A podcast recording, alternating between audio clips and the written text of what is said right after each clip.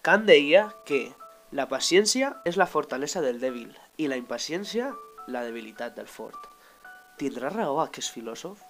M'agradaria investigar, però no em deixen anar a la biblioteca. Clar, que tampoc n'hi ha molts llibres fora d'allò normal. I tot el que jo sé és pel que vaig aprendre de xicoteta a les biblioteques dels voltants. Em diuen Mercè, i des de que jo tinc consciència visc a Madrid, malgrat que els meus pares eren d'Agost, una petita localitat d'Alacant. I per això he decidit escriure en la meva llengua materna. Ara mateix tinc 28 anys, encara que amb els meus fills pareix que tinga quasi el doble. Fa 10 anys que em vaig casar, i tot va ser perquè em vaig quedar embarassada del meu primer fill. I el pare del meu nuvi deia que si anava a tindre un fill, primer hauria de casar-me, i fins i tot per l'església. Perquè en aquesta època, com per a renegar de la religió catòlica o de la Santa Seu. El meu home, Lluís, va ser el meu primer nuvi.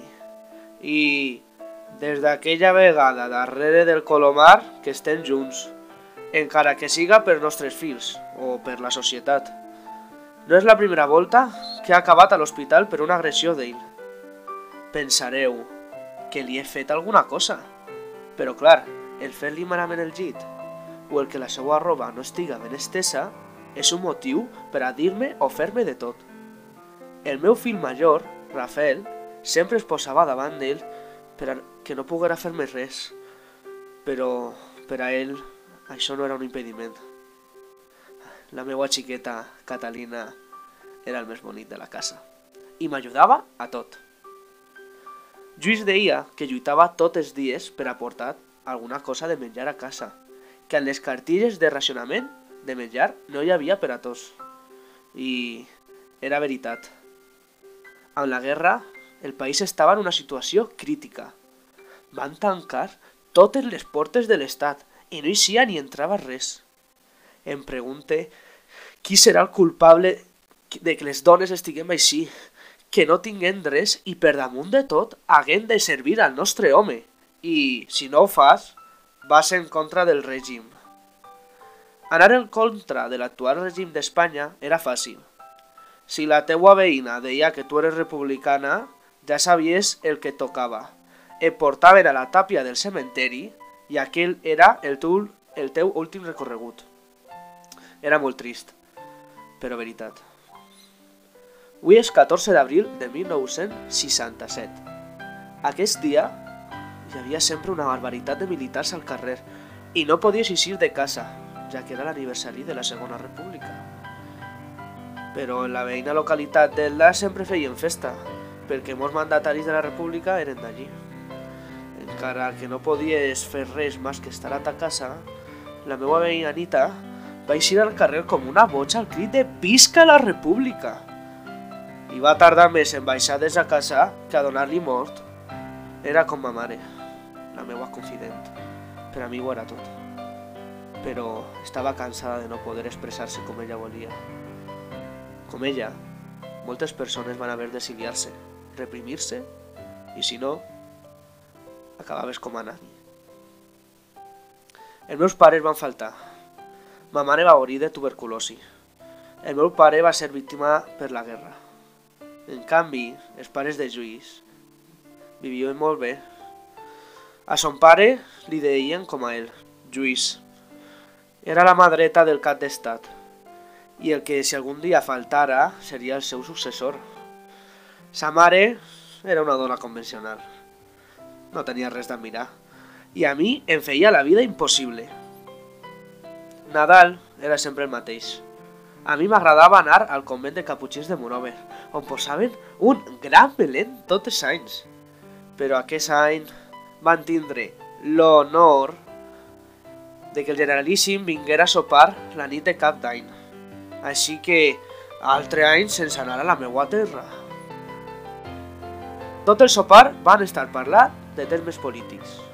El més rellevant va ser la gran revolta que hi havia per un grup terrorista originari del País Basc. Això li llevava la zona al meu sogre i al generalíssim, perquè clar, era anar en contra del règim. Quan vam arribar a casa, li vaig dir al meu home que perquè podien parlar amb ells, els radicals, per a trobar un acord. I de la galtada que em va donar, vaig caure damunt del llit i va intentar furtar-me la vida amb les seues pròpies mans.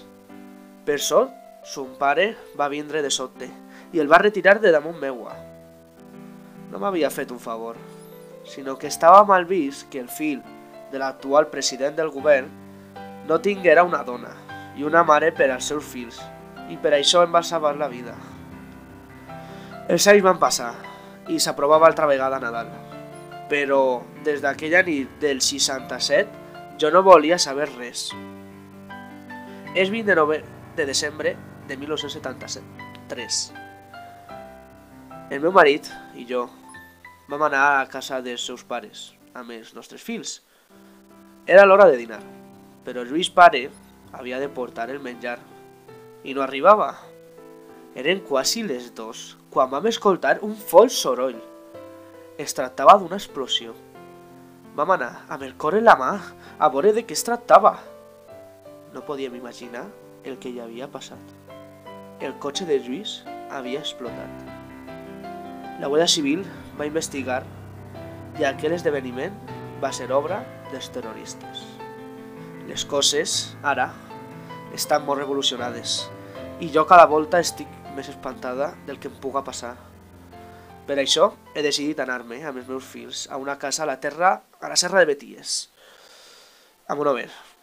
Allí no havia arribat molta repercussió i encara es podia anar pels carrers de Santa Bàrbara o pel barri de la Sènia. A la localitat de Petré, els moros i cristians se celebraven amb normalitat i a la, loca a la localitat d'Elda tot estava igual.